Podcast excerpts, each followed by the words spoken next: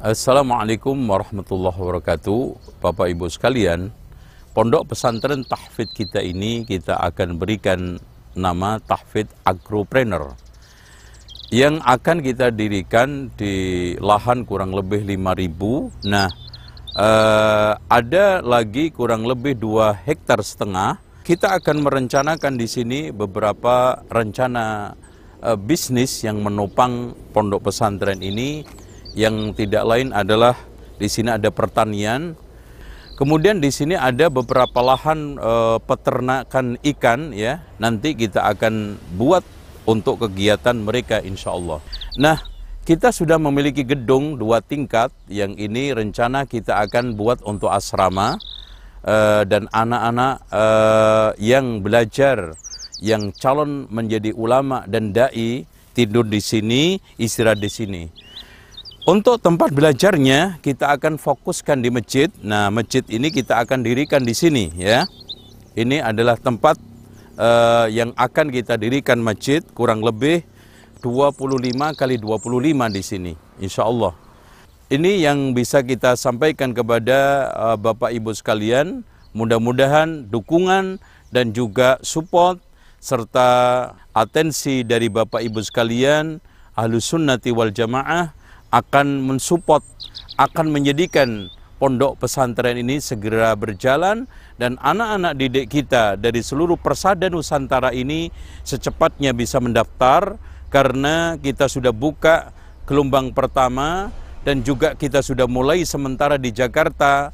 Pendaftarnya sangat beludak dan baru kita buka seminggu saja maka kursinya sudah full. Ini menunjukkan bahwa animo dan juga antusias kaum muslimin, generasi kita yang ingin mempelajari dan menghafalkan Al-Quran, menguasai kitab-kitab yang bahasa Arab itu sangat tinggi sekali. Demikian, mudah-mudahan Bapak Ibu sekalian bisa mendukung, mensupport kami untuk mendirikan, melangsungkan, membangun pondok pesantren tahfidz dan bahasa Arab ini gratis, insya Allah. Demikian, mudah-mudahan manfaat. Assalamualaikum warahmatullahi wabarakatuh.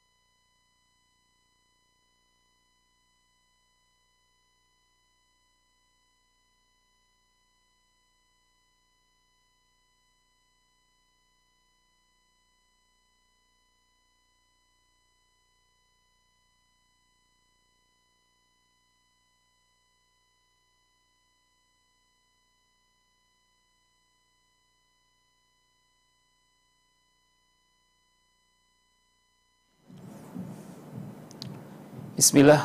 Assalamualaikum warahmatullahi wabarakatuh. Alhamdulillah. Hamdan kathiran toiban mubarakan fi kama yuhibbu Rabbuna wa yardo. Alhamdulillah kembali kita berjumpa dalam rangka kajian ilmiah online yang insya Allah pada sore hari ini kita akan mengambil faidah dari kajian dengan tema Kitab Tazkiyatun Nufus Faidah Tadabur Al-Quran bersama Al-Ustadz Zainal Abidin LCMM Hafizahullah. Insya Allah pada hari ini, hari Rabu, tanggal 2 Muharram 1443 Hijriah bertepatan dengan 11 Agustus 2021 Masehi. Para jamaah ikhwatal iman wa Islam bisa nanti untuk berinteraktif, bersoal jawab atau bisa e, melalui pesan singkat di nomor 0811 8033 389.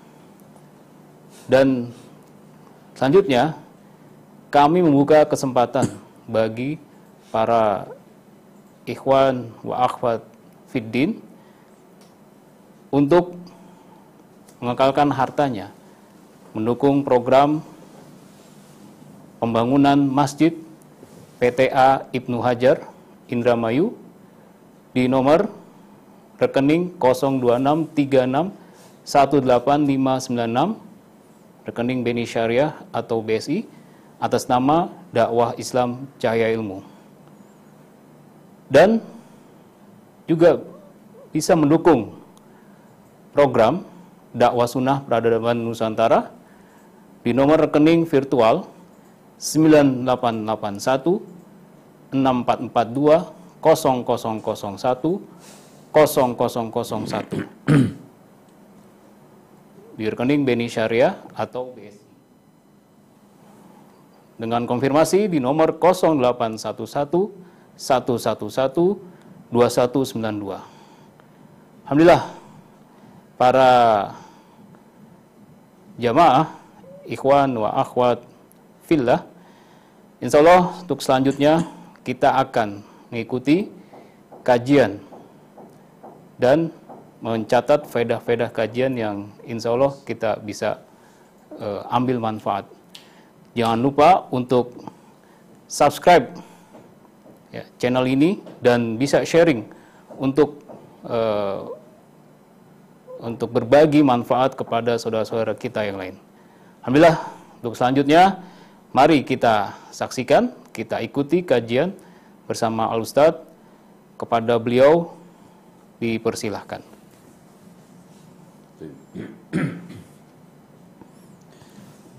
السلام عليكم ورحمة الله وبركاته.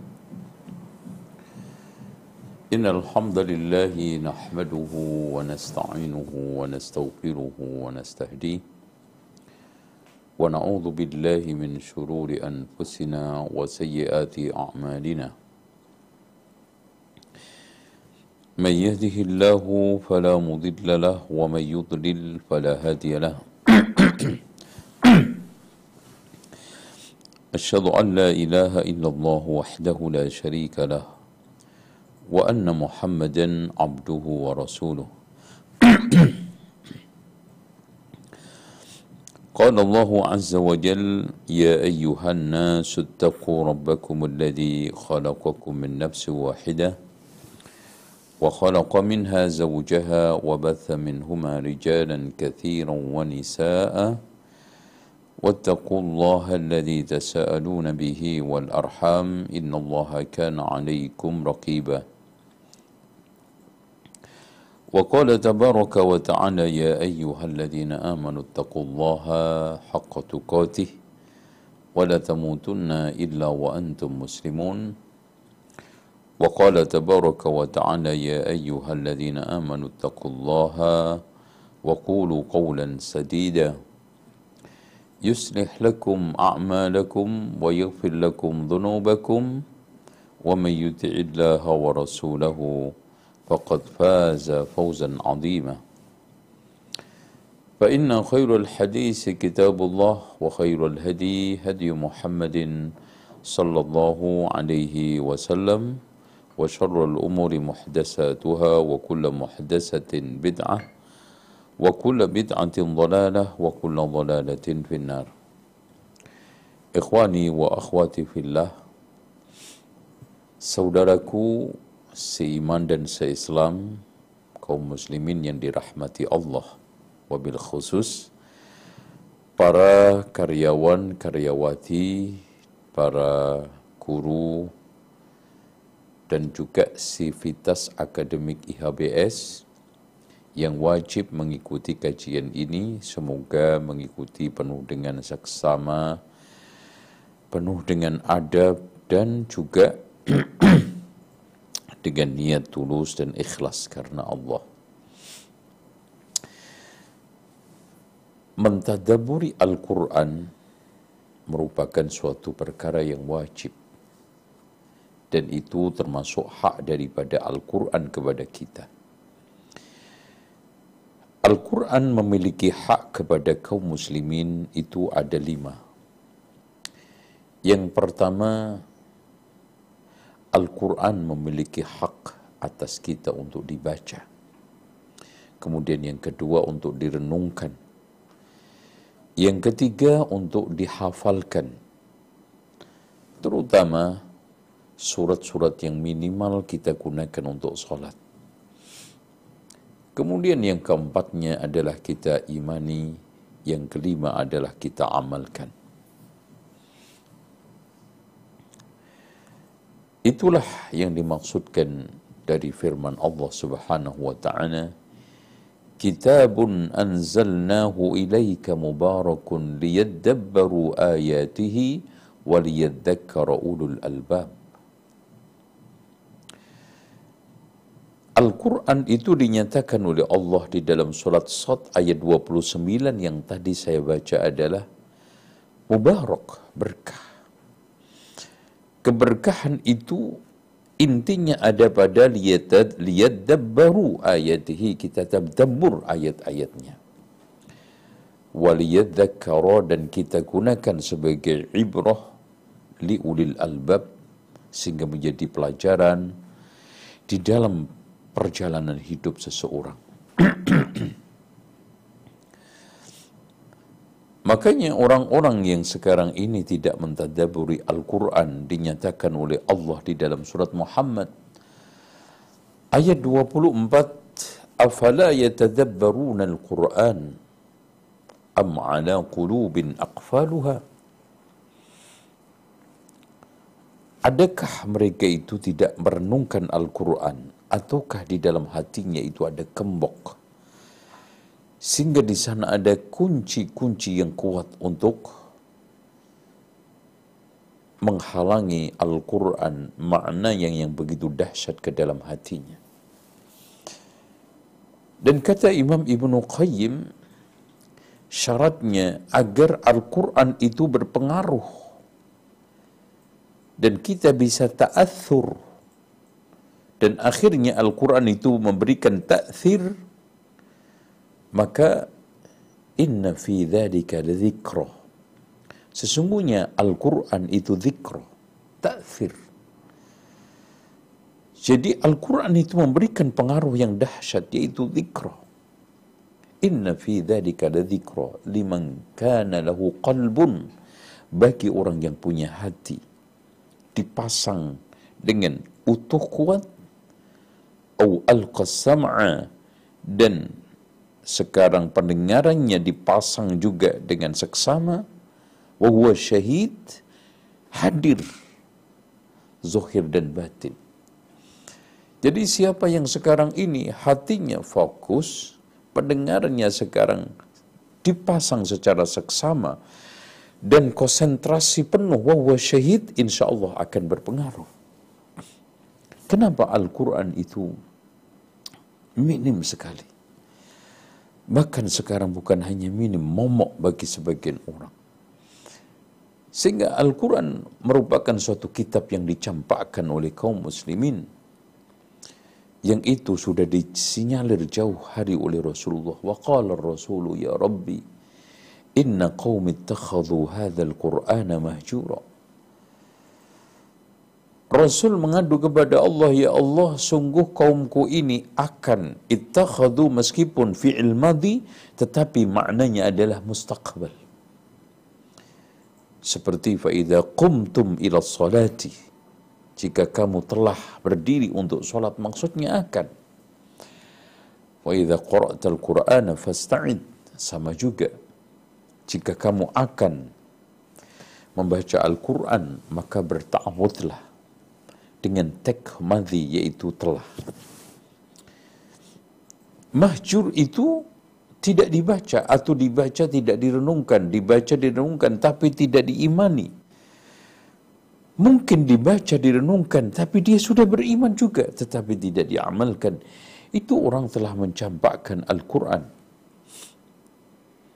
Dan sebagai bentuk tanda kiamat ya ikhwan Masya Allah orang lebih senang kepada kitab-kitab selain Al-Quran. Coba bayangkan ada dari antara sebagian kaum muslimin hatam berkali-kali membaca uh, novel Harry Potter ya. Atau uh, komik-komik yang lainnya ya. Atau mungkin buku-buku bisa dihatamkan berkali-kali tapi Al-Quran tidak pernah disentuh.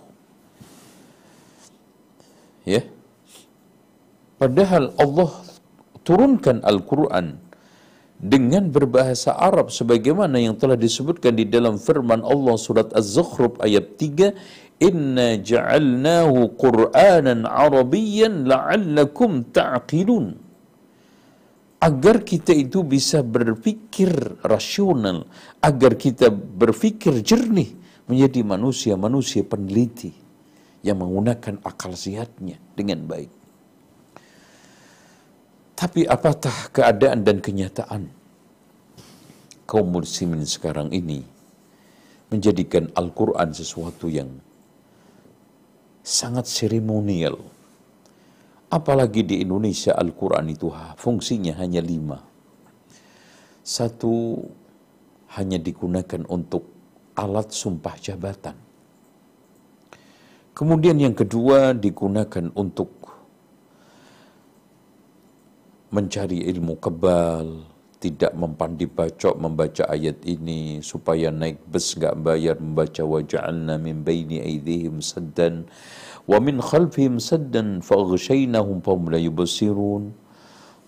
Bisa menarik perempuan ini yang awalnya benci jadi senang membaca id qala yusuf li abihi ya abati inni raaitu ahada asyara kawkaban wasyamsa wal qamar raaitum li sajidin dan seterusnya yang ketiga untuk musabaqah tilawatul Quran yang disandingkan dengan nyanyian-nyanyian yang lainnya. Karena ini sudah lebih dominasi seni daripada itu merupakan suatu ajaran. Kemudian yang keempatnya menjadi sebagai apa namanya alat untuk mengirimkan atau dijadikan sebagai piandel untuk orang-orang mati sakaratul maut dibacakan surat Yasin. Setelah mati tetangga-tetangga ngumpul Yasin. Bahkan di antara mereka sampai ada yang hatam 40 kali di kuburan. Ya, selama 40 hari. Dan yang kelimanya digunakan untuk seremonial, peresmian gedung, membuka toko, atau mungkin juga dijadikan sebagai hiasan kaligrafi masjid, Bahkan di sana ada yang lebih naif lagi supaya uangnya kondangan tidak dicuri oleh toyol, maka Al-Quran itu diletakkan di sana, di atasnya kotak itu kondangan. Nasallallahu al-afiyah. Padahal Allah katakan di dalam surat Yasin, ya, liyunzira man kana hayyan wa yahiqqal qawlu 'alal kafirin. Agar dengan Al-Quran ini Muhammad memberikan peringatan orang-orang yang hatinya hidup. Jadi Ya ayyuhalladzina amanu istajibu lillahi war rasuli idza da'akum lima yuhyikum. Jadi sebetulnya Al-Quran itu untuk orang yang hidup, yang memiliki hati yang hidup, rohani yang bening. Dan iman yang kuat. Makanya rata-rata kalau kita lihat, panggilan Allah di dalam memanggil orang-orang supaya mengamalkan isi Al-Quran itu dengan panggilan iman. Ya ayyuhalladzina amanu يا أيها الذين آمنوا ادخلوا في السلم كافة يا أيها الذين آمنوا قوا أنفسكم وأهليكم نارا يا أيها الذين آمنوا كتب عليكم الصيام كما كتب على الذين من قبلكم لعلكم تتقون Kesimpulannya ya ikhwan, sebagaimana yang telah dikatakan oleh Abdullah ibnu Mas'ud, "Man kana yuhibbu an ya'lam annahu yuhibbu Allah Barang siapa yang ingin mengetahui dirinya itu telah mencintai Allah dengan cinta yang benar, falyu'rid nafsahu Qur'an, hendaknya suguhkan rohaninya, jiwanya, dirinya kepada Al-Qur'an. Faman ahabbal Qur'an, siapa yang ditemukan telah mencintai Al-Qur'an, fahuwa yuhibbullah, fa innamal Qur'anu kalamullah. Karena Al-Qur'an itu kalamullah. Jadi barang siapa yang ingin mengetahui dirinya itu mencintai Allah, itu bukan sekarang ini dites dirinya dengan musik, dirinya dengan nyanyi lagu-lagu padang pasir, atau lagu-lagu religius, tidak. Tetapi tes dengan bagaimana dia sikap dia kepada Al-Quran. Kalau dia sikapnya kepada Al-Quran baik, membaca dengan baik, merenungkan dengan baik, bahkan mentadaburinya, mengimaninya, mengamalkan dengan baik, maka dia telah mencintai Al-Quran. Makanya Sal bin Abdullah At-Tustari mengatakan, Hubbullahi hubbul Quran. Tanda cinta Allah adalah mencintai Al-Quran. Nah, supaya kita itu membaca Al-Quran itu membekas, maka kita harus modali minimal ada 11 modal. Yang pertama, al-imanu billah iman kepada Allah Subhanahu wa taala. Yang saya katakan tadi, kenapa di dalam Al-Qur'an itu ketika saat mengabulkan ajakan Al-Qur'an itu selalu Allah panggil dengan iman? Karena hanya orang yang yakin akan segera memenuhinya. Orang yang yakin akan mengenali faedah daripada perintah tersebut. Dampak dan apa namanya manfaat nanti dunia dan akhirat akan perintah tersebut. Maka yang dipanggil ya ayyuhalladzina amanu. Yang kedua adalah hayatul qalbi. Kita harus bekali hati yang hidup bersih dan hadir pada saat kita itu membaca Kemudian yang ketiga yang tidak kalah pentingnya adalah husnul istima' wa idza quri'al qur'anu fastami'u lahu wa ansitu insat jadi mendengarkan tidak hanya cukup mendengar sami'a tetapi mendengarkan bukan hanya mendengarkan tetapi mendengarkan penuh dengan perhatian seksama la'allakum turhamun. Kemudian hendaknya seorang itu ketika membaca Al-Qur'an menempatkan dirinya orang yang dituju Al-Qur'an jadi ketika sekarang kita membaca Al-Quran, Ya ayyuhalladzina amanu ijtanibu kathiran minadh-dhanni inna ba'dadh-dhanni ismun. Ini yang ditegur oleh Allah adalah saya. Ketika Allah berfirman, Ya ayyuhalladzina amanu la tuqaddimu bayna yadayillahi wa rasulih. Wattaqullah. Ini adalah yang dituju adalah saya, bukan orang lain.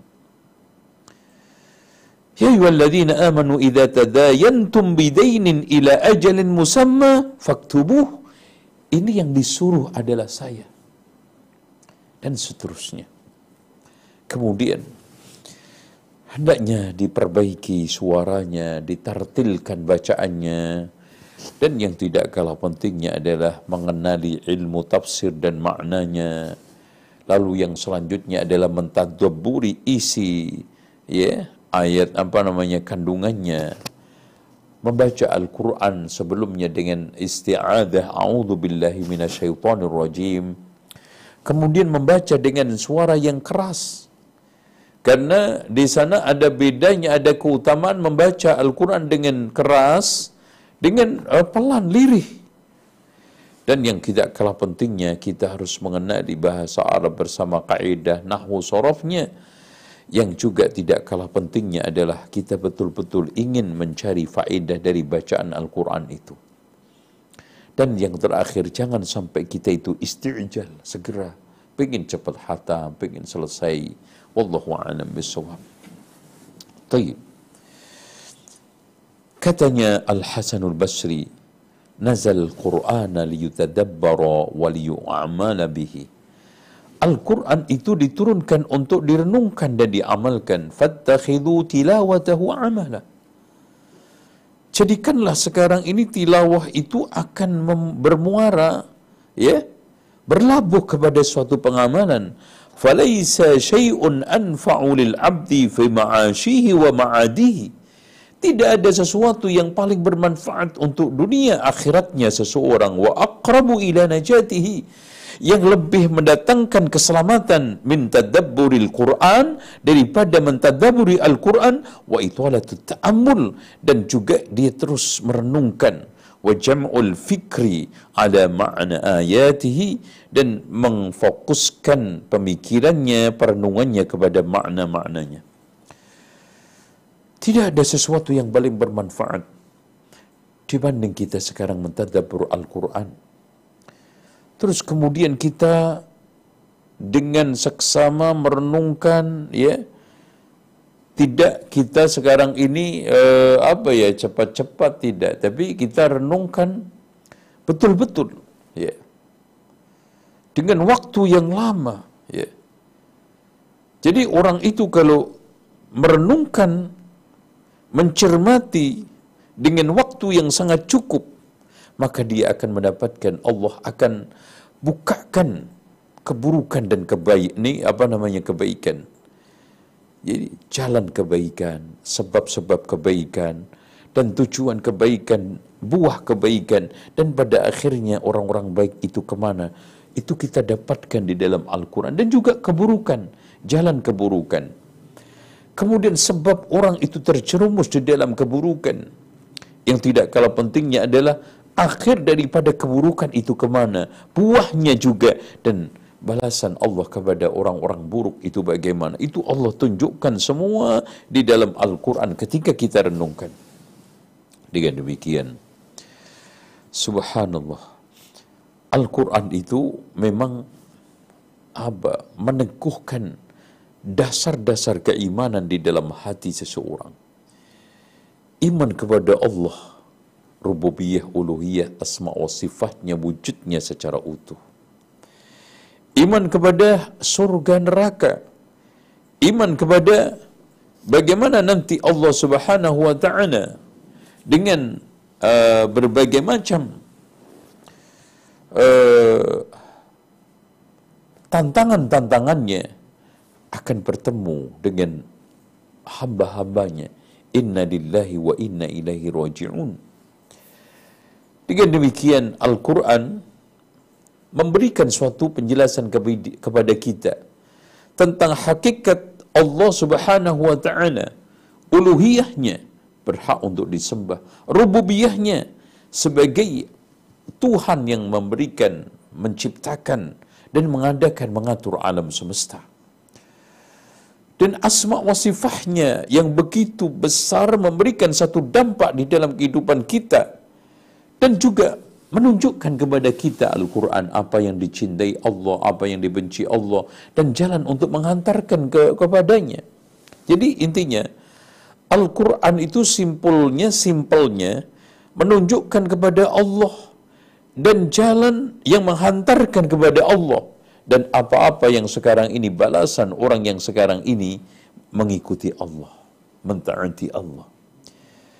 Dan juga Al-Quran menjelaskan, ya, tentang musuh kita yaitu syaitan dan jalan-jalan tapak-tapak syaitan dan akibat kita itu mengikuti syaitan. Enam inilah dijelaskan oleh Al-Quran secara api di dalam hadisnya. Di dalam beberapa ayat Allah subhanahu wa ta'ala. Dan subhanallah ya, ya kalau kita melihat setelah Al-Quran itu menjelaskan uh, rukun iman, rukun Islam, itu isinya subhanallah. Kemudian menjelaskan tentang balasannya. Di sana ada surga neraka, ada halal haram, ada pelajaran-pelajaran, ada ibro, ada kisos, ada permisalan, ada hikmah, ada suatu uh, syariat, ada suatu takdir, ada perintah, ada larangan. Ini semuanya intinya bagaimana kita itu menghantarkan kepada ma'rifatullah dan apa-apa yang bisa menghantarkan kepada Allah Subhanahu wa taala dan balasan akhirnya orang-orang yang mengikuti Allah Subhanahu wa taala. Dan Al-Quran menjelaskan maksi ini syirik, bid'ah, kufur, maksiat. Itu adalah jalan mengikuti syaitan dan balasannya. Kemudian menjelaskan malaikat bersama tugasnya dan nama-namanya dan sifatnya. Menjelaskan tentang rasul ini apa namanya? Uh, utusan-utusan Allah dari kalangan manusia yaitu rasul. Ada Nabi Nuh, ada Nabi Ibrahim, ada Nabi uh, Ismail, ada Nabi Ishak, Yaqub, Ayub, ada sampai akhirnya Musa, Isa dan Nabi Muhammad sallallahu alaihi wasallam. Dari mulai sekarang namanya, kemudian tugasnya, kemudian syariatnya dan yang tidak kalah pentingnya adalah kitabnya. Dari mulai Taurat, Injil, Zabur, kemudian Al-Quran. Subhanallah, lengkap sekali.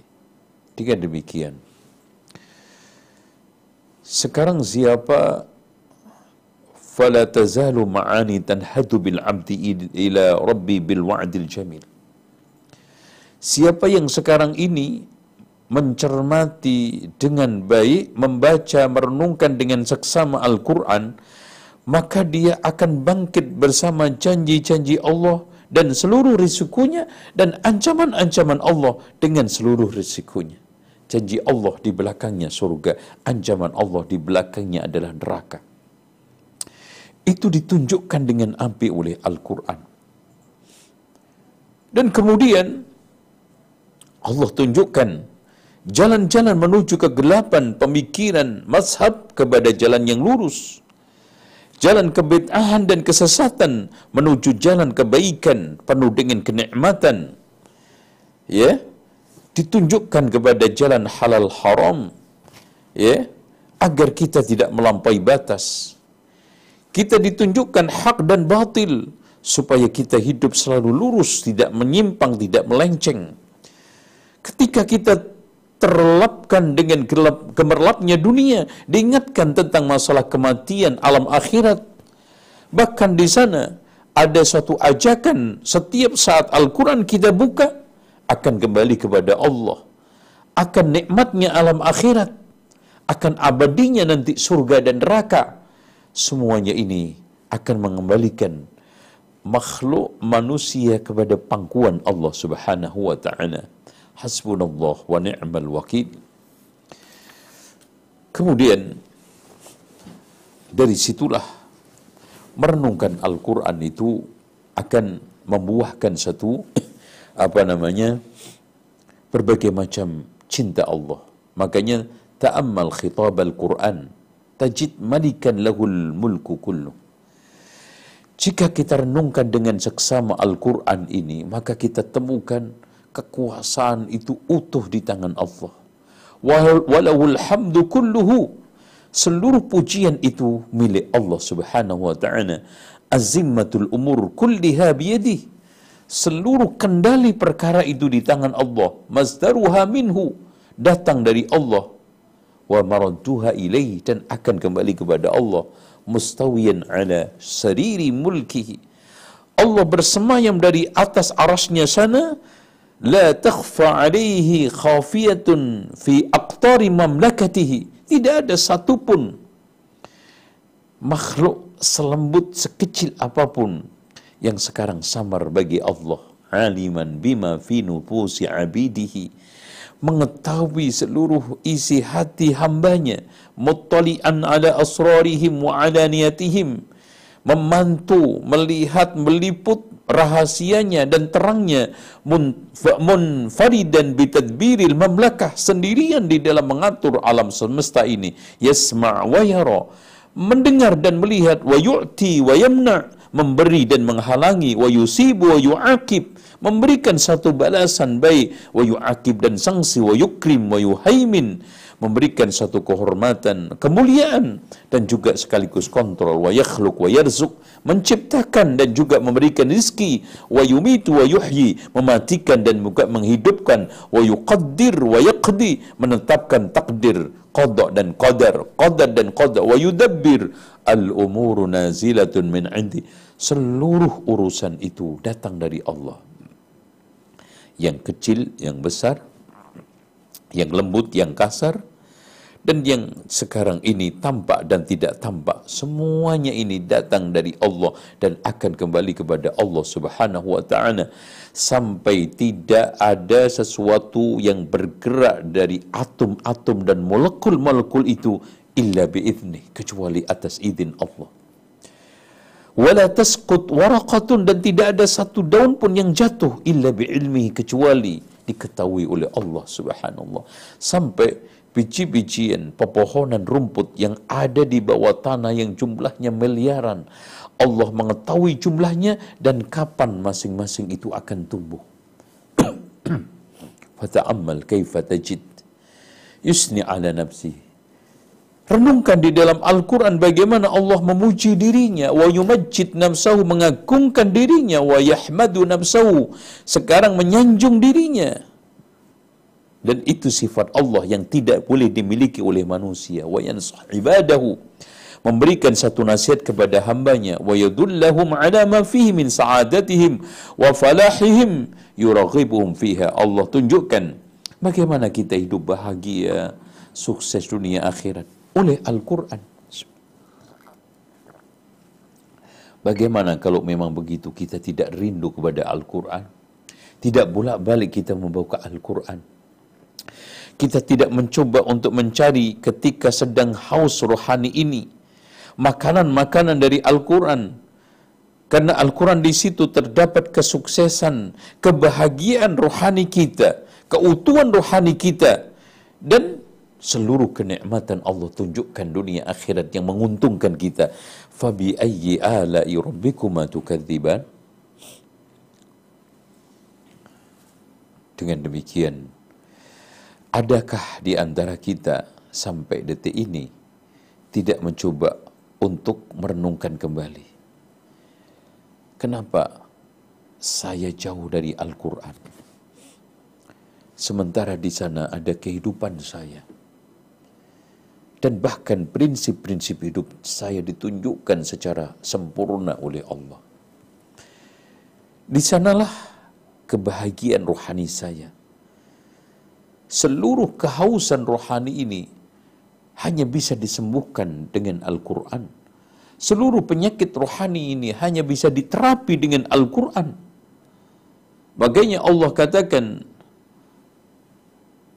Ya ayuhan nasu qad ja'atkum maw'idatum bir rabbikum. Ya, telah datang mau'idah berupa Al-Quran wa shifa'un lima fis sudur laqad kana fi qasasihim ibratun liulil albab subhanallah ma kana hadisan yuftara ولكن تصديق الذي بين يديه وتفصيل الكتاب ya wahudan warahmatan yu'minun. Masya Allah. Itu fungsi daripada Al-Quran. Hudan wa shifa Rahmah untuk kaum muslimin. Bagaimana tidak ya ikhwan?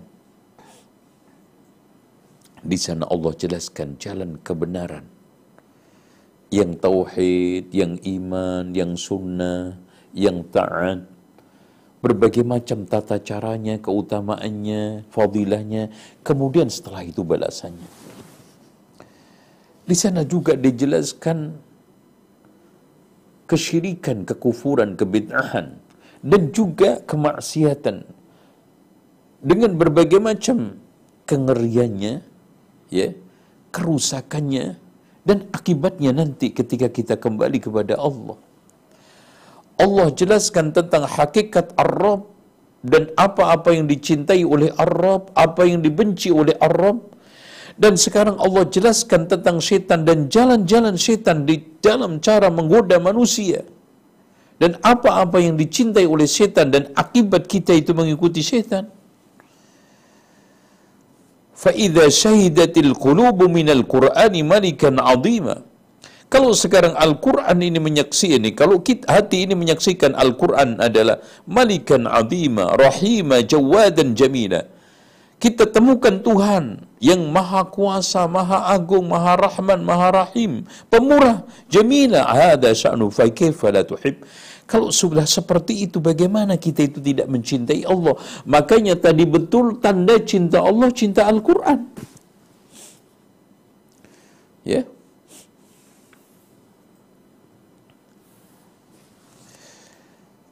Makanya subhanallah ya. Siapa pun yang sekarang ini inna fi dzalika la ketika membaca Al-Quran membawa hati yang penuh, pendengaran dipasang dengan sempurna dan seksama, dihadirkan jasmani rohaninya dan perasaan emosionalnya, pasti mendapatkan faedah daripada Al-Quran itu. Mendapatkan ketenangan, tumak nina. Itulah alladzina amanu wa tatma'innu qulubuhum bi Orang-orang yang beriman itu tenang dengan zikir kepada Allah dan puncak zikir adalah Al-Quran. Ala bi dzikrillahi tatmainnul qulub. Dari situlah kita akhirnya sampai kepada kesimpulan afala yatadabbaruna al-Qur'an walau kana min 'indi ghairillahi lawajadu fi ikhtilafan katsira surat An-Nisa ayat 82 Kenapa mereka itu tidak merenungkan dengan seksama Al-Quran ini? Kalau andaikan Al-Quran ini datang dari selain Allah, kita akan temukan pertentangan-pertentangan yang akan ada di dalam Al-Quran. Antara surat An-Nisa, Al-Baqarah, Ali Imran, Al-Ma'idah, antara surat-surat Al-Furqan, Asy-Syu'ara, tapi ternyata tidak ada pertentangan kecuali otak kita, subhat kita yang membentur-benturkan Al-Quran itu ayat satu dengan yang lainnya seperti yang dilakukan oleh ahli bid'ah.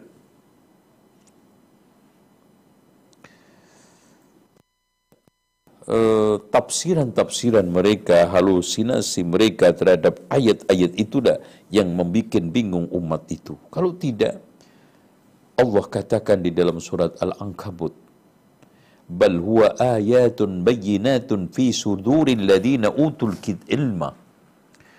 Ayat 49. Bahkan Al-Quran itu adalah ayat-ayat Allah yang jelas yang Allah letakkan, titipkan di dalam hati orang-orang yang beriman. وَلِيَعْلَمَ الَّذِينَ أُوتُوا الْعِلْمَ أَنَّهُ الْحَقْ مِنْ رَبِّكَ فَيُؤْمِنُوا بِهِ jadi Al-Quran itu dititipkan oleh Allah di dalam hati orang-orang yang beriman untuk menghasung mereka kepada kebenaran, menemukan hakikat kebenaran. Bukan sekarang setelah mempelajari Al-Quran malah bingung, setelah kita mempelajari Al-Quran malah fatwanya nyeleneh, setelah kita sekarang ini memahami Al-Quran, ternyata kita melakukan penyimpangan-penyimpangan di dalam agama. Itu namanya orang tidak mengambil faedah daripada Al-Quran bertentangan dengan tujuan Al-Quran yang diturunkan oleh Allah Zalikal kitabu la raiba fi hudan lil muttaqin. Petunjuk. Masa orang setelah mendapatkan petunjuk malah bingung? Setelah mendapatkan petunjuk malah nyeleneh-nyeleneh fatwanya? Setelah dia mendapatkan petunjuk dia malah sekarang menjauh dari akidah Islam? Menghujat mencela Islam tidak suka kepada Islam ragu terhadap kebenaran Islam? Enggak mungkin Jangankan begitu, coba bayangkan Abu Sufyan ketika saat masih kafir, musyrik. Ditanya Heraklius. Di antara sekian pertanyaan, fahal yartaddu ahadun minhum sukhtatan lidinihi? Apakah pengikut Muhammad ini ada yang murtad karena tidak suka terhadap agamanya ba'da ayat khulafi setelah masuk Islam? Faqala la, tidak. Faqala lahu wa kadzalika iman Begitulah iman idza khalatat halawatuhu basyasatal qulub ketika sekarang ini manisnya mengetuk menyentuh hati la yaskhatuhu ahadun sudah tidak akan muncul kebencian lagi kepada Al-Qur'an. Tapi faktanya coba sekarang ini mereka yang bergelar bertitel mereka yang sekarang ini bergelimang dengan karya akademis tapi kenapa karya-karyanya itu meremehkan merendahkan Islam? Meremehkan, merendahkan simbol-simbol syiar Islam. Tidak ada keterpautan, keterikatan karya-karya dia itu dengan menguntungkan Islam, memajukan Islam, mengaktualisasikan syariat Islam. Kenapa ini?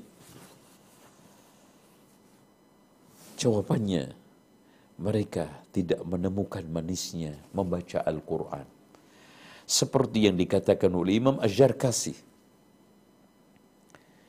di dalam kitab beliau spektakuler yaitu Ulumul Quran. Man lam yakun indahu ilmun wa fahmun wa taqwa wa tadabburun lam yudrik min ladzatil Qur'ani syai'ah. Barang siapa yang tidak memiliki ilmu, pemahaman, ketakwaan dan juga tadabbur tidak akan menemukan kelezatan Al-Quran sama sekali. Bagaimana sekarang ini Al-Quran bisa menenangkan hidupnya Abu Bakar, Umar, Utsman, Ali. Meneguhkan mereka yang dulu jahiliyah menjadi orang yang kuat membela Islam. Tapi kenapa sekarang ini Al-Quran malah membuat kita itu ragu terhadap kebenaran Islam. Kita gamang untuk menyatakan anak muslim. Kita tidak pede dengan status Islam kita. Kita tidak percaya akan bagusnya manfaatnya menerapkan syariat. Bahkan kita ikut-ikutan fobia takut kalau nanti diterapkan syariat ini akan terjadi berbagai macam kegoncangan hidup, ketidaknyamanan sosial, dan berbagai macam atraksi-atraksi keributan kata mereka subhanallah. Sejak kapan syariat yang mulia ini membuahkan keributan ketidaknyamanan desintegrasi atau memecah belah umat? Nasallallahu al-afiyah. Ini semua adalah ciptaan fobia Islam. Ini mereka orang-orang yang dangkal di dalam memahami merenungkan dan juga mengaktualisasikan isi Al-Quran Intinya kalau orang mukmin dia akan wa yaral ladzina utul ilma alladhi unzila ilaika min rabbika wal haqq. Nah ini. Surat Saba ayat 6 wa yaral ladzina utul ilma Ya, ini sama syahidallahu annahu la ilaha illallah wal malaikatu ulul ilmi qa'iman bil qisti sama. Ini sama juga yarfa'illahu alladhina amanu minkum wal ladzina utul ilma. Mereka-mereka yang diberikan keimanan kuat akibat mempelajari Al-Quran dengan sunnah yang benar, maka dia menjadi ahlul ilmi. Menjadi ulama rabbani. Yang sekarang ini menjadi, apa namanya, penerap syariah aktualisasi syariah di dalam muka bumi Allah Subhanahu wa taala sehingga mereka layak untuk menjadi khalifah. Mereka mengatakan atau dikatakan oleh Allah wa yaral ladzina utul ilma alladzi unzila ilaika min rabbik wal haqq. Benar. Sebaliknya wa yaqulul ladzina kafaru Adapun orang-orang kafir, orang-orang yang sekarang ini di dalam hatinya itu ada gembok, laula unzila alaihi ayatun min rabbih, ya. Qul inna Allah yudhillu man yasha wa yahdi ilaihi man anab diingkari. Kenapa Allah menurunkan ayat seperti ini, enggak seperti ini? Harusnya kan begini. Ini enggak cocok dengan kondisi tradisi, kearifan lokal ini tidak sesuai dengan budaya kita. Quran perlu diamandemen. Subhanallah. Jadi orang-orang yang berceloteh seperti itu, itu sudah jauh-jauh hari dikatakan oleh Allah di dalam surat Ar-Ra'du ayat 27. Wa yaqulu alladhina kafaru lawla unzila alaihi ayatun min rabbih. Qul inna allaha yudhillu man yasha wa yahdi ilaihi man anab. Adapun orang mukmin al-haqqu min rabbik. Ya Allah, dia mengatakan ini benar, aman nabihi, cukup dia itu beriman. فأما الذين في قلوبهم زيغ فيتبعون ما تشابه منه ابتغاء الفتنة وابتغاء تأويله وما يعلم تأويله إلا الله والله أعلم بالصواب demikian faedah daripada tadabbur Al-Quran wallahu a'lam bisawab Alhamdulillah, syukron jazakumullah khairan wa barakallahu fikum atas bimbingan ilmu yang telah Ustadz sampaikan. Bagi para jamaah ikhwani wa akhwati fiddin, selanjutnya kita bisa berinteraktif soal jawab atau bertanya melalui pesan singkat di, di nomor 0811 8033 389. Silahkan bagi jemaah yang ingin bersoal jawab dengan cara telepon langsung atau melalui pesan singkat. Baik, ini sudah ada yang masuk. Kita bacakan ada pesan singkat yang telah masuk. Ada telepon. Ya, silahkan. Telepon dulu ya. Halo? Assalamualaikum. Halo. Assalamualaikum warahmatullahi Halo. Assalamualaikum. Oh, terputus. Baik, uh, kita bacakan pesan singkat yang telah masuk. Pertanyaan dari hamba Allah, apakah mungkin ada satu hati yang cinta terhadap Al-Quran dan cinta terhadap musik? Dan apakah ada dalil tentang haramnya musik dalam Al-Quran? Bukankah Nabi SAW membolehkan saat hari raya dan saat walimah pernikahan? Silahkan Ustaz. Uh, ini uh, tentang musik ya. Di dalam uh, Islam ya ikhwan ya bahwa musik itu merupakan sesuatu perkara yang disepakati oleh para ulama. Ya kita eh, tidak ada yang satu pun mengecualikan bahwa musik itu haram. Ya. Karena musik sebagaimana yang telah ditegaskan uh, di dalam Al-Quran dan hadis Rasulullah SAW itu melalaikan, ya, itu menjauhkan orang dari kebaikan dan kebenaran. Sehingga Allah Subhanahu wa taala memberikan satu penegasan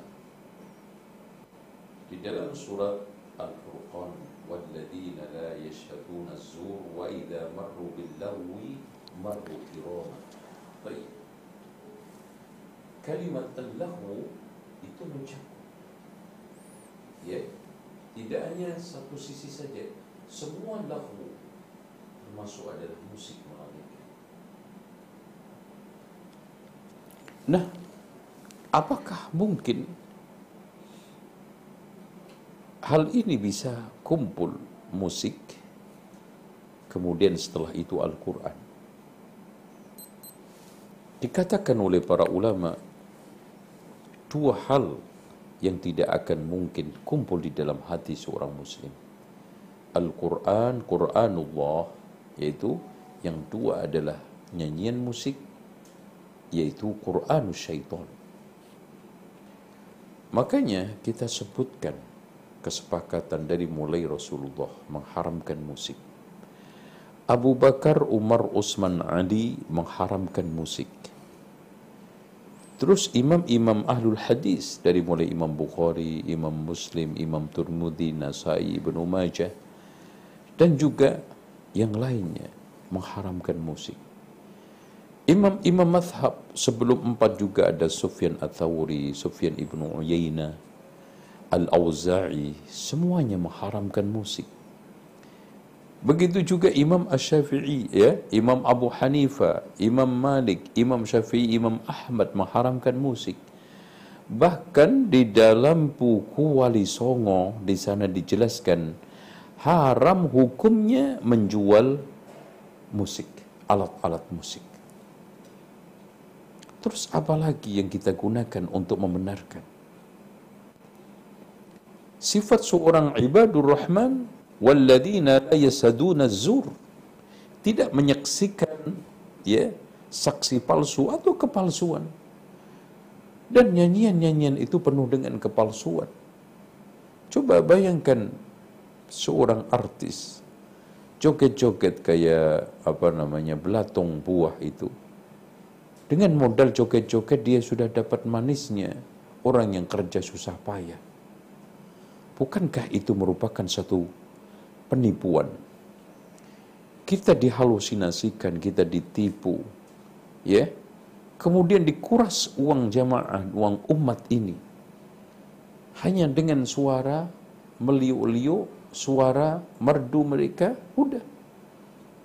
Mereka susah payah belum menghas belum tentu menghasilkan sekian ratus juta, tapi subhanallah hanya coket-coket seperti uget-uget ya, seperti belatung yang ada di dalam buah itu mendapatkan uang ratusan juta bahkan miliaran.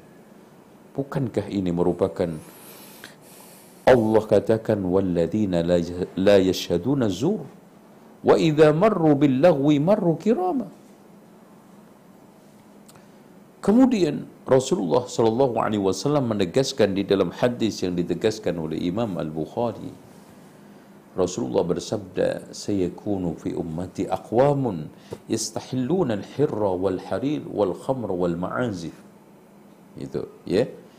Akan muncul di tengah umatku ini sekelompok kaum yang menghalalkan zina, sutra, khamar, musik, ya. Musik, jelas. Tidak ada suatu pilihan lain. Tidak ada sesuatu yang sekarang ini uh, apa namanya hal yang bisa diotak-atik lewat hadis ini jelas gamblang. Allah Subhanahu wa eh, Rasulullah Shallallahu alaihi wasallam tegaskan akan muncul di tengah umatku ini sekelompok kaum yang menghalalkan. Berarti aslinya haram. Zina sutra khamr musik. Dan subhanallah tiga tiga empatnya sudah sudah menjadi fakta kehidupan kita. Bagaimana ada disertasi doktor yang mengatakan zina itu boleh? Bagaimana sekarang ini minuman khamr sudah dianggap minuman biasa? Bagaimana sekarang ini pakaian sutra sekarang dipakai oleh laki dengan bebas dan juga akhirnya musik. Bahkan di sana pembenaran-pembenaran lewat fatwa-fatwa tokoh agama. Yang itu dikatakan oleh Rasulullah sallallahu alaihi wasallam di dalam hadisnya, Inna Allah la yantazi'ul ilman tiza'a. Allah itu tidak akan mencabut ilmu begitu saja dicabut. Walakin yantazi'u biqabdil ulama. Akan tetapi Allah cabut dengan kematian para ulama. Rabbani. Fa'in halaku ketika mereka meninggal dunia, ittakhadan nasu ru'usan juhala. Orang mulai mengambil tokoh agama yang bodoh. Ru'usan juhala satu tokoh agama yang tidak memiliki kapabilitas ilmu, tidak memiliki ketakwaan yang itu simbol utama inna Allah innama in, uh, innama yakhshallaha min ibadihi ulama sehingga mengeluarkan fakta ser, eh, fatwa serampangan petuah agama sembarangan akhirnya menghalalkan yang diharamkan Allah dan sebaliknya. Nasallallahu al-afiyah fa'aftau bi ghairi ilmin. Mereka mengeluarkan fatwa tanpa dasar ilmu maksudnya. Ilmu yang benar-benar datang dari Al-Quran dan Sunnah sebagai aktualisasi pemahaman salafus salih cerminan Rasulullah Abu Bakar Umar Utsman Ali. Fadallu akhirnya mereka itu sesat. Wadallu dan menyesatkan. Wallahu a'lam bissawab ya Alhamdulillah syukron jazakumullah khairan wa barakallahu fikum atas penjelasan dari jawaban Al Ustaz. Kembali bagi para ikhwan wa akhwati fiddin yang ingin interaktif soal jawab. Assalamualaikum. Alhamdulillah ada yang masuk. Waalaikumsalam warahmatullahi wabarakatuh. Dengan siapa dan di mana? Ya Ibu, Ya. silakan. Madura. Ah, Insya Allah ya silakan Ibu. Pertanyaannya. Yang eh, saya ingin tanyakan Pak Ustadz, eh, ini keluar dari tema, tidak masalah. Ya, Iya. silakan. Ya. Yang pertama, eh, saya ingin menanyakan, eh, eh, itu keluarga saya sudah meninggal dunia. Ah, tapi eh, tiga hari belakangan itu sholat tidak bisa dilaksanakan. Itu cara untuk penggantiannya itu seperti apa? Yang pertama, kemudian yang kedua terkait dengan eh, niat eh, yang almarhum itu ada niat untuk menjalani eh, melaksanakan kurban. Namun sebelum melaksanakan kurban, almarhum itu sudah meninggal dunia 10 hari setelah itu eh, eh, Lebaran Idul Adha. Nah, yang kami ingin tanyakan, apakah tetap kami melaksanakan tetap eh, melaksanakan kurban itu, namun atas nama almarhum tersebut, apakah itu dibenarkan oleh syariat Islam? Taib. Terima kasih, hanya itu yang kami tanyakan. Wassalamualaikum warahmatullahi wabarakatuh. Waalaikumsalam warahmatullahi wabarakatuh. Ya, silakan Ustaz. Taib. Eh, yang pertama tentang apa? tuh? Yang pertama, pertanyaan dari Ibu tadi, sholat tidak bisa dilaksanakan dari mendiang eh, selama tiga hari. Oke, Apakah? Ya, silakan. Eh, taib. Kalau orang tersebut tidak sholat dikarenakan pingsan atau tidak sadarkan diri, maka di sana tidak ada suatu kewajiban. Kenapa? Karena kalau Allah Rabbana la tu'akhidna inna sina au akhtana. Kalau kita itu melakukan kealfaan dikarenakan lupa atau tidak sengaja jadi maafkan Allah apalagi dalam kondisi seperti itu maka ini sama juga kondisinya adalah orang gila rufi al qalamu salasin diangkat dari tiga orang catatan bina itu wa adil majnun di antaranya ada hatta yafik sampai sadar tapi kalau sampingsan kemudian tidak pernah sadar sampai meninggal dunia maka tidak ada kewajiban apa-apa Pokoknya intinya begini. Kewajiban agama itu gugur karena satu kejahilan. Kebodohan seseorang. Kemudian yang kedua dilakukan tidak sengaja. Yang ketiganya lupa. Yang keempatnya ketiduran. Nah, kemudian eh, apa namanya eh, yang ke apa namanya dilakukan anak kecil ya belum balik tadi. Tayyib. Sekarang kita masuk ke dalam masalah kurban. Seorang ketika sekarang ini sudah azam, sudah tekad, bahkan tadi 10 hari, maka ini wajib oleh karena itu, eh, kalau tidak sempat disembelih kemarin, maka tahun depannya harus disembelihkan. Karena ini eh, apa suatu kewajiban yang sudah diazamkan, ya, sudah ditekadkan dan tolong dicamkan Korban itu kalau sudah ditekatkan, maka kemudian dibatalkan dosa harus diganti. Kalau hilang juga bahkan harus diganti. Ya, e, makanya di sana ada suatu e, pertanyaan fikih bagaimana kalau korban itu hilang, dicuri orang, maka kata para ulama, kalau dia sudah sekarang ini lindungi dengan baik, terus kemudian ditempatkan dengan baik, kemudian dicuri, maka tidak mengganti. Tapi kalau dia teledor, maka dia mengganti. Kalau tertambat mati, umpamanya kecerat dan yang lainnya, maka dia juga harus mengganti. Apalagi ini kondisinya tidak ada satu aral apa pun kecuali hanya meninggal, maka harus tetap di disembelihkan kurban itu. Wallahu a'lam bishawab.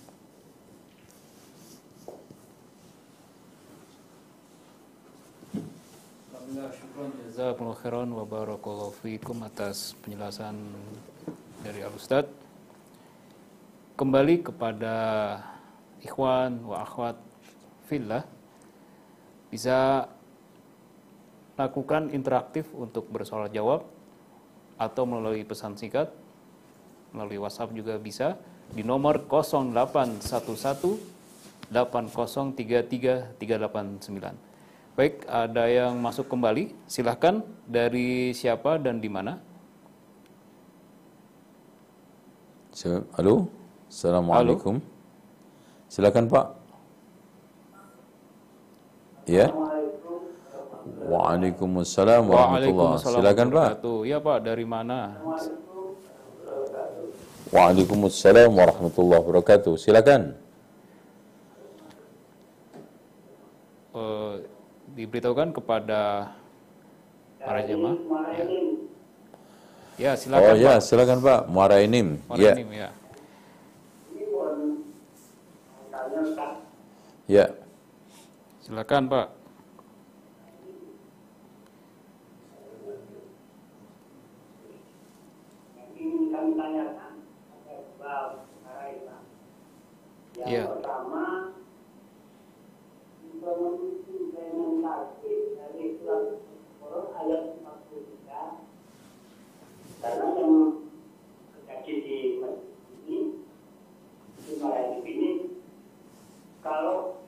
yang telah itu masuk baru kebagian tinggal rukunnya katanya tidak apa itu benar yang kedua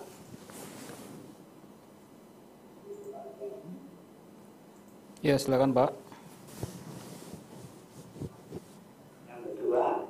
Iya. Ya, silakan. Surat jama Mahrim itu berapa rakaat? Oke. Cukup ya. Itu ya. saja, Pak. Cukup ya. Iya, ya. Oke, cukup. Iya, Pak. Baik, Pak. Salam. Waalaikumsalam warahmatullahi Yang pertama apa tadi? Yang pertama so, tentang sholat masbuk uh, tinggal ruku ruku apakah itu sah? Taib. Uh, tolong diperhatikan seorang itu dinyatakan menemukan imam solat imam itu selagi mereka itu bisa mengejar rukunya imam. Hal ini berdasarkan penjelasan Ibrahim An-Nakhai di dalam kitab Al-Musannaf karya Imam Ibnu Abi Syaibah Man adraka ruku'a ma'al imam faqad adraka salah. Barang siapa yang menemukan ruku bersama imam, maka dia telah menemukan solat. Oleh karena itu, di zaman Rasulullah ada orang yang sampai mengejar supaya mendapatkan ruku bersama Rasulullah dari pintu. Ini sudah mulai sholat, akhirnya merunduk sampai masuk ke sop. Dan ini juga dilakukan oleh Rasulullah. Ini oleh Abdullah ibnu Mas'ud di Baghdad. Nah, tentang masalah kaitannya tata cara jamak, tolong diperhatikan ya Pak ya. Maghrib itu mau jamak mau kosor itu tetap tiga. Gak bisa satu atau dua setengah apalagi. Oleh karena itu saya di sini ingin menjelaskan sekalian bahwa tata, tata cara jamak kosor.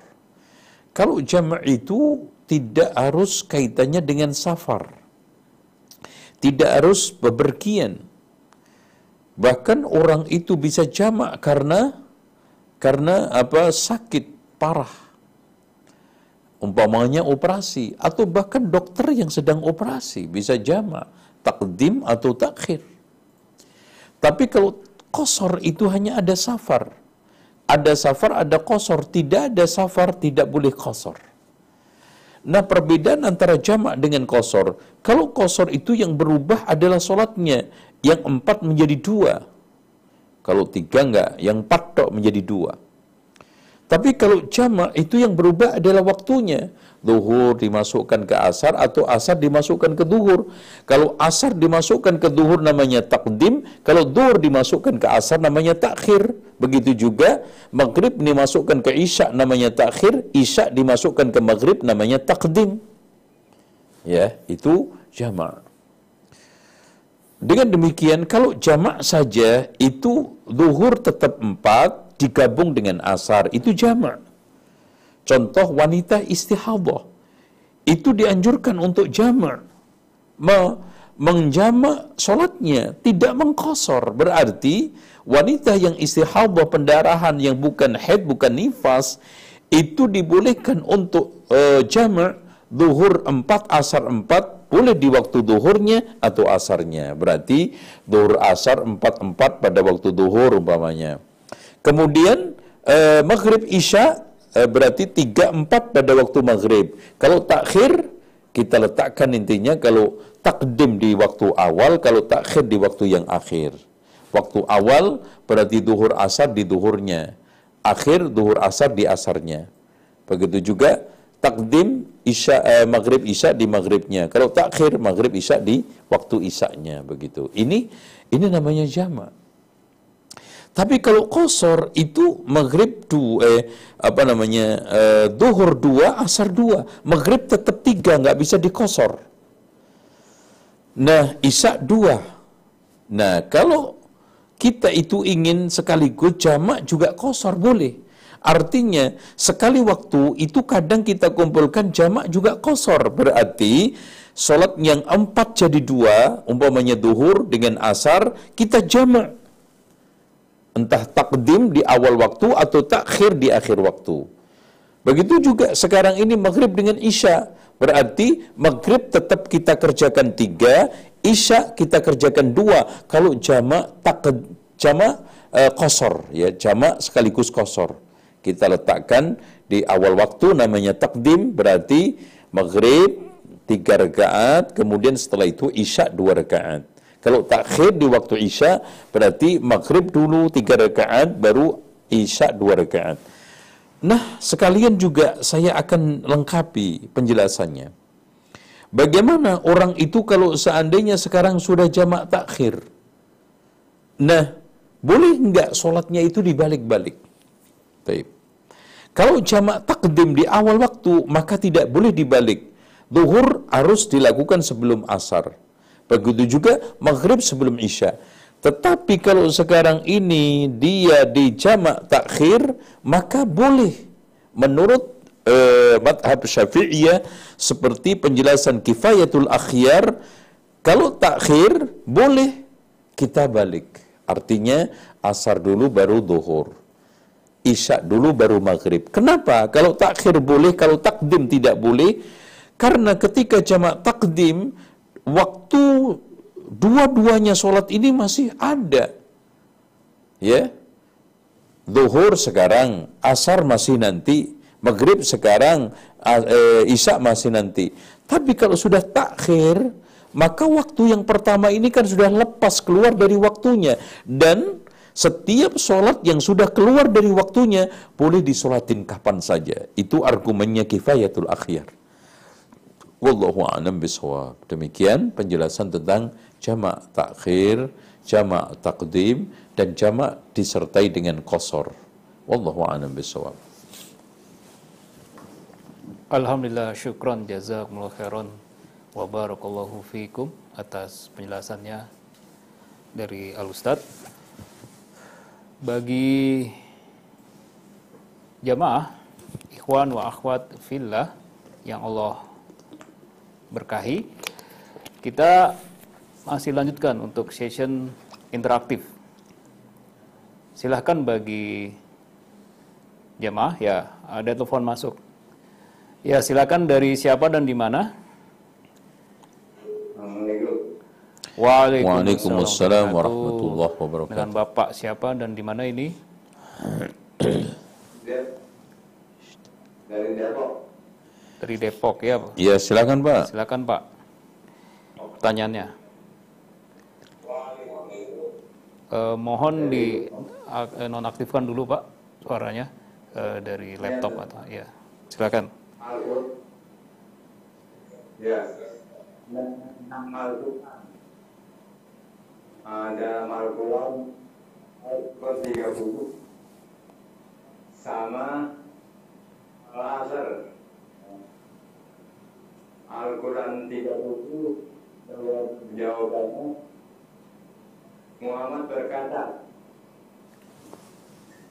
ya bahwa hal itu dua kali tapi pembuktiannya memang saat ini ada yang simpan kembali harus biasa ya. terus ayat alasan biar Wajahnya ada lama, wah, ayo ada ya pokoknya cara gunakan bila karena itu harusnya harga gunung itu hampir dengan ayat awal itu. Sekarang saya mau tanya ah, jalan keluar apa itu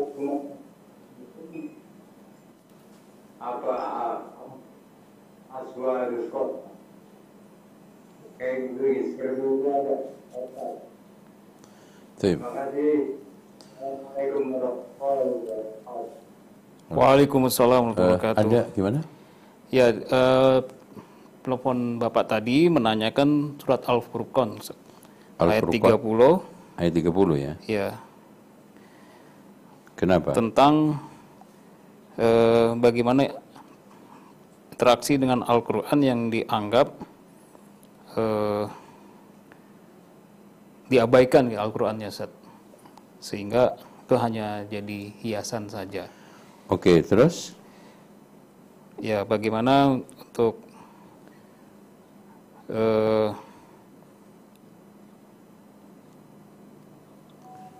Su- Surat Al-Asr gitu tadi ya. Al-Asr ya dan Al-Furqan Al-Asr sama Al-Furqan gitu. 30. Iya. Oke, Wal Asri. Iya, ayat 30. Hah? Wal Asr ayat 21. Wal Asr. Nah, Kok Wal Asr?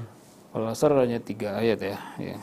Ayatnya Wal Asr itu ayat berapa? 21. Al-Asr nggak ada ayatnya sampai 21. Al-Asr kan Wal Asri, ya tak? Betul. Taib, eh, coba kita jawab setangkap saya. Taib. Allah berfirman di dalam surat Al-Furqan ayat 30 tadi, wa qala rasulu ya rabbi inna qaumi ittakhadhu hadzal qur'ana mahjura. Eh, ini memberikan satu gambaran bahwa pengaduan Rasulullah Shallallahu Alaihi Wasallam kepada umatnya yang akan datang ini bakal akan ada kenyataannya. Ya, Masya Allah, nggak mungkin meleset, nggak mungkin eh, Allah Subhanahu Wa Taala mengingkari daripada ayatnya ini ya. Dan itu wakil. Bagaimana sekarang ini orang-orang sudah enggan terhadap Al-Quran sudah mencibirkan Al-Quran bahkan ada yang mengusulkan Al-Quran ini sebaiknya diamandemen gitu kan gitu. Nasallallahu al-afiyah ya.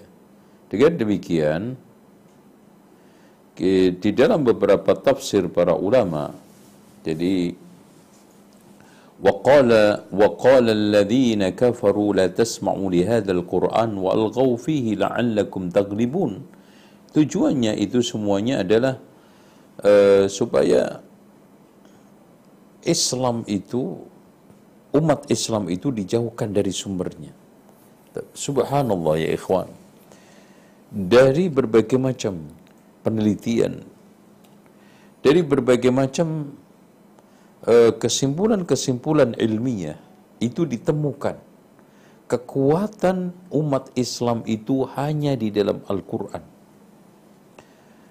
Makanya orientalis-orientalis barat dari mulai Colt Sihor dan juga termasuk Senuk Horgonye dan konco-konconya itu semuanya berprinsip selagi Al-Quran itu masih ada di tangan kaum muslimin Jangan berharap Eropa Barat bisa menaklukkan kaum muslimin. Kenapa? Karena di situlah wakil realitas yang Rasulullah Shallallahu Alaihi Wasallam tegaskan. Taraktu fikum amrayni in tamassaktum bihima lan tadillu ba'di kitabullah wa sunnati. Aku tinggalkan di tengah kalian dua perkara yang bila kalian berpegang teguh dengan dua perkara tersebut, maka tidak akan tersesat selamanya. Dan lihat juga, perhatikan, mana saja umat Islam itu masih kuat mengkajiannya terhadap Al-Quran, dari mulai kiroah, tadabbur, semua eh, hab, eh, tahfidnya, maka di situ Islam itu pasti eksis. Makanya di mana pun, ya, trik yang pertama utama dilakukan oleh musuh-musuh Islam adalah bagaimana umat Islam ini dijauhkan dari Al-Quran. Ada yang dijauhkan secara total. Ada yang dijauhkan dengan adanya tandingan-tandingan Al-Quran disandingkan dengan musik. Atau dijauhkan dengan tadi itu Al-Quran hanya di tetap mereka itu pakai Al-Quran.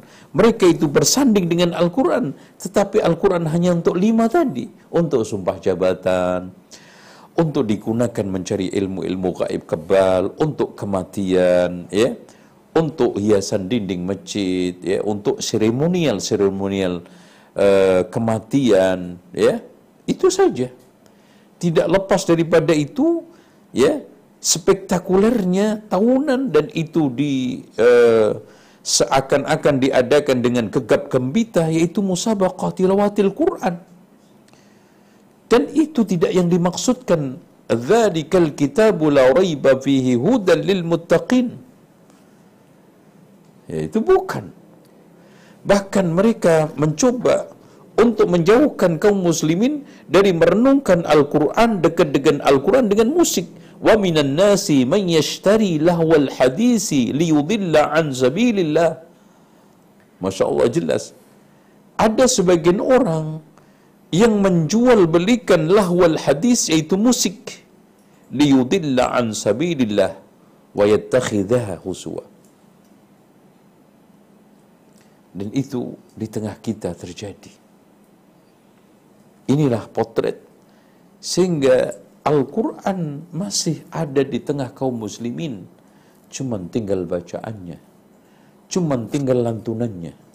Tapi syariatnya pengaruh-pengaruh petunjuknya, perintah larangannya, mau'idah mau'idahnya, yang sekarang menegasi tentang syariat-syariat, baik itu syariat kaitannya dengan individual, syariat kaitannya dengan rumah tangga, syariat kaitannya dengan kemasyarakatan, maka itu sudah tidak kita temukan kecuali sedikit, itu pun bercampur dengan berbagai macam budaya tradisi dengan istilah mereka adalah Islam kontekstualisme. Itu yang kita maksudkan. Sehingga kita lihat sekarang ini bagaimana di dalam berekonomi kaum muslimin jauh daripada syariat Al-Quran. Di dalam bersosial berbudaya jauh dari syariat Al-Quran. Di dalam masalah berpolitik bersosial pun jauh dari nilai-nilai Al-Quran dan Sunnah. Di dalam apa pun. Bahkan terjadi sekularisasi yang cukup masif di mana Islam itu dijauhkan dari peran kehidupan. Islam itu tidak ada hubungannya dengan kehidupan sosial politik, perdagangan dan juga ekonomi. Apa maknanya? Al-Quran boleh ada cuman tadi lima saja Al-Quran hanya boleh digunakan untuk sumpah jabatan. Al-Quran boleh digunakan tapi hanya untuk musabaqah tilawatul Quran yang dinikmati 80%-nya adalah lagunya. Al-Quran boleh dipakai untuk seremonial, untuk hiasan kaligrafi dinding-dinding masjid. Al-Quran boleh dipakai untuk apa namanya acara-acara kematian. Nah, Al-Quran mungkin hanya digunakan sebagai uh, pengawal akhir acara walima, acara-acara seremonial, peresmian-peresmian satu gedung, bahkan di antara sebagian masyarakat takut uang kondangannya dicuri tuyul, lelembut, maka kotak kondangannya di atas dikasih mushaf Al-Quran. Itu yang ada, itu realitas. Sekarang afala yatadabbaruna al-Quran? Sekarang ini hudan lil muttaqin. Ya ayuhan nasu qad ja'atkum mau'idatum min rabbikum mau'izah, syifa, hudan, rahmah liqaumi yu'minun bagi orang yang beriman laqad kana fi qasasihim ibratun liulil albab. Ma kana hadisan yuftara walakin tasdiqa alladhi baina yadayhi wa tafsir kitab wa hudan wa rahmatan liqaumi yu'minun. Sudah tidak ada lagi. Wallahu a'lam bissawab Syukron jazakumullah khairan wa barakallahu fikum atas penjelasan dari jawaban dari Al Ustaz. Pertanyaan tadi merupakan pertanyaan terakhir. Kami ucapkan syukron jazakumullah khairan kepada ikhwan wa akhwati fillah yang telah mengikuti kajian online ini dan kami mohon maaf apabila ada pertanyaan yang belum tersampaikan. Insya Allah kita kembali lagi di channel ini atau uh, akun di medsos ini. Silahkan bagi para jamaah bisa selalu untuk subscribe, follow, like, dan share di akun-akun channel ini. Nanti kita akan kembali uh, untuk melanjutkan kajian-kajian berikutnya. Dan kami dari uh, dari pendukung acara mengucapkan uh, syukron jazakumullah khairan atas kebersamaannya dan dari Al Ustadz yang telah memberikan uh, kajiannya. Bagi para jamaah yang ingin mengekalkan hartanya yang uh, untuk amal jariah insya Allah Ta'ala bisa menyisihkan hartanya ke uh, ke rekening 0263618596 rekening BNI Syariah atau BSI atas nama atas nama dakwah Islam Cilmu untuk pembangunan masjid dan pondok tahfiz agropreneur Ibnu Hajar Indramayu beasiswa 100%. Dan juga ikut mendukung program dakwah sunnah peradaban Nusantara melalui rekening virtual account BNI Syariah atau BSI di nomor rekening 9881 6442 0001 0001 dan konfirmasi melalui nomor 0811 111 Alhamdulillah, silahkan bagi para jamaah bisa mendukung uh, program tersebut. Dan untuk selanjutnya, mari kita simak uh, untuk kesimpulan dan penutup yang kembali lagi disampaikan oleh guru kita bersama Al Ustadz Zainal Abidin LCMM Hafizullah. Uh, untuk beliau dipersilakan. Alhamdulillah kita sudah berada di penghujung kajian. Intinya, Al-Quran Allah turunkan sebagai pedoman hidup. Menyambungkan kita dengan Allah. Mengenalkan kita kepada Allah. Dan cara kita itu sampai kepada Allah. Dan kalau, kalau sudah sampai, apa sih kemuliaan, keutamaan, dan juga kelebihan kita menjadi hamba yang diridhai Allah. Ya ayuhat, ya ya Tuhan nafsul mutmainnah. Dikenalkan berbagai macam jalan-jalan setan dan akibat mengikutinya. Kerangka Islam semuanya dari mulai rukun iman, rukun Islam dijelaskan secara api oleh Al-Quran. Tinggal kita mau merenungkan atau tidak. Di situlah kebahagiaan kita. Di situ kita itu menghirup udara, segar akhirat. Karena kenyamanan rohani kita ada di dalam Al-Quran. Haus dan dahaga kita bisa hilangkan. Penyakit kita bisa hilangkan dengan Al-Quran insya Allah. Betul kata Ibrahim Khawas, obat hati itu ada lima. Membaca Al-Quran dirunengkan sekalian maknanya. ya insya Allah hak Al-Quran atas kita dibaca, direnungkan, dihafalkan, diimani, dan diamalkan. Mari kita kembali kepada Al-Quran, akrab lagi kepada Al-Quran, sering membaca, merenungkan, dan juga gemar menghafalkan, insya Allah. Pelan-pelan kita amalkan di dalam kehidupan kita, biidnillah. Dengan demikian kita akan menjadi hamba yang paripurna, sempurna, menjadi hamba yang dicintai oleh Allah karena tanda cinta Allah mencintai Al-Quran. Siapa yang mencintai Al-Quran akan pasti dicintai oleh Allah Subhanahu wa taala. Akan dekat dengan Allah Subhanahu wa taala. Demikian subhanakallahumma wa bihamdika asyhadu an la ilaha illa anta astaghfiruka wa atubu ilaik. Wa sallallahu ala Muhammadin wa ala ali Muhammad walhamdulillahi rabbil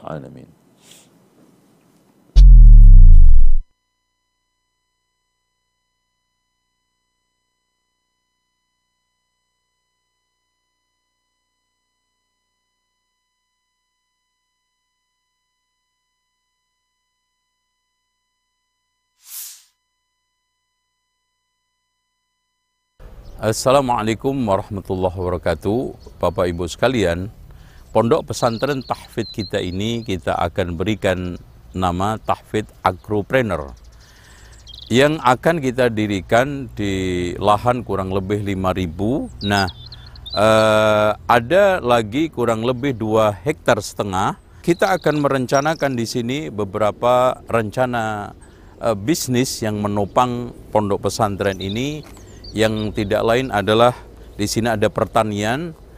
Kemudian di sini ada beberapa lahan e, peternakan ikan ya. Nanti kita akan buat untuk kegiatan mereka insya Allah.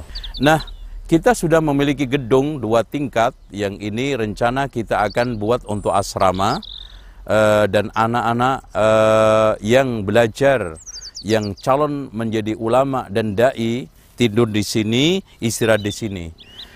Untuk tempat belajarnya kita akan fokuskan di masjid. Nah, masjid ini kita akan dirikan di sini ya. Ini adalah tempat uh, yang akan kita dirikan masjid kurang lebih 25 kali 25 di sini insya Allah. Ini yang bisa kita sampaikan kepada uh, Bapak Ibu sekalian. Mudah-mudahan dukungan dan juga support serta atensi dari Bapak Ibu sekalian Ahlus Sunnati wal Jamaah akan mensupport, akan menjadikan pondok pesantren ini segera berjalan dan anak-anak didik kita dari seluruh persada Nusantara ini secepatnya bisa mendaftar karena kita sudah buka gelombang pertama dan juga kita sudah mulai sementara di Jakarta. Pendaftarnya sangat beludak dan baru kita buka seminggu saja maka kursinya sudah full. Ini menunjukkan bahwa animo dan juga antusias kaum muslimin, generasi kita yang ingin mempelajari dan menghafalkan Al-Quran, menguasai kitab-kitab yang bahasa Arab itu sangat tinggi sekali. Demikian, mudah-mudahan Bapak Ibu sekalian bisa mendukung, mensupport kami untuk mendirikan, melangsungkan, membangun pondok pesantren tahfidz dan bahasa Arab ini gratis, insya Allah. Demikian, mudah-mudahan manfaat. Assalamualaikum warahmatullahi wabarakatuh.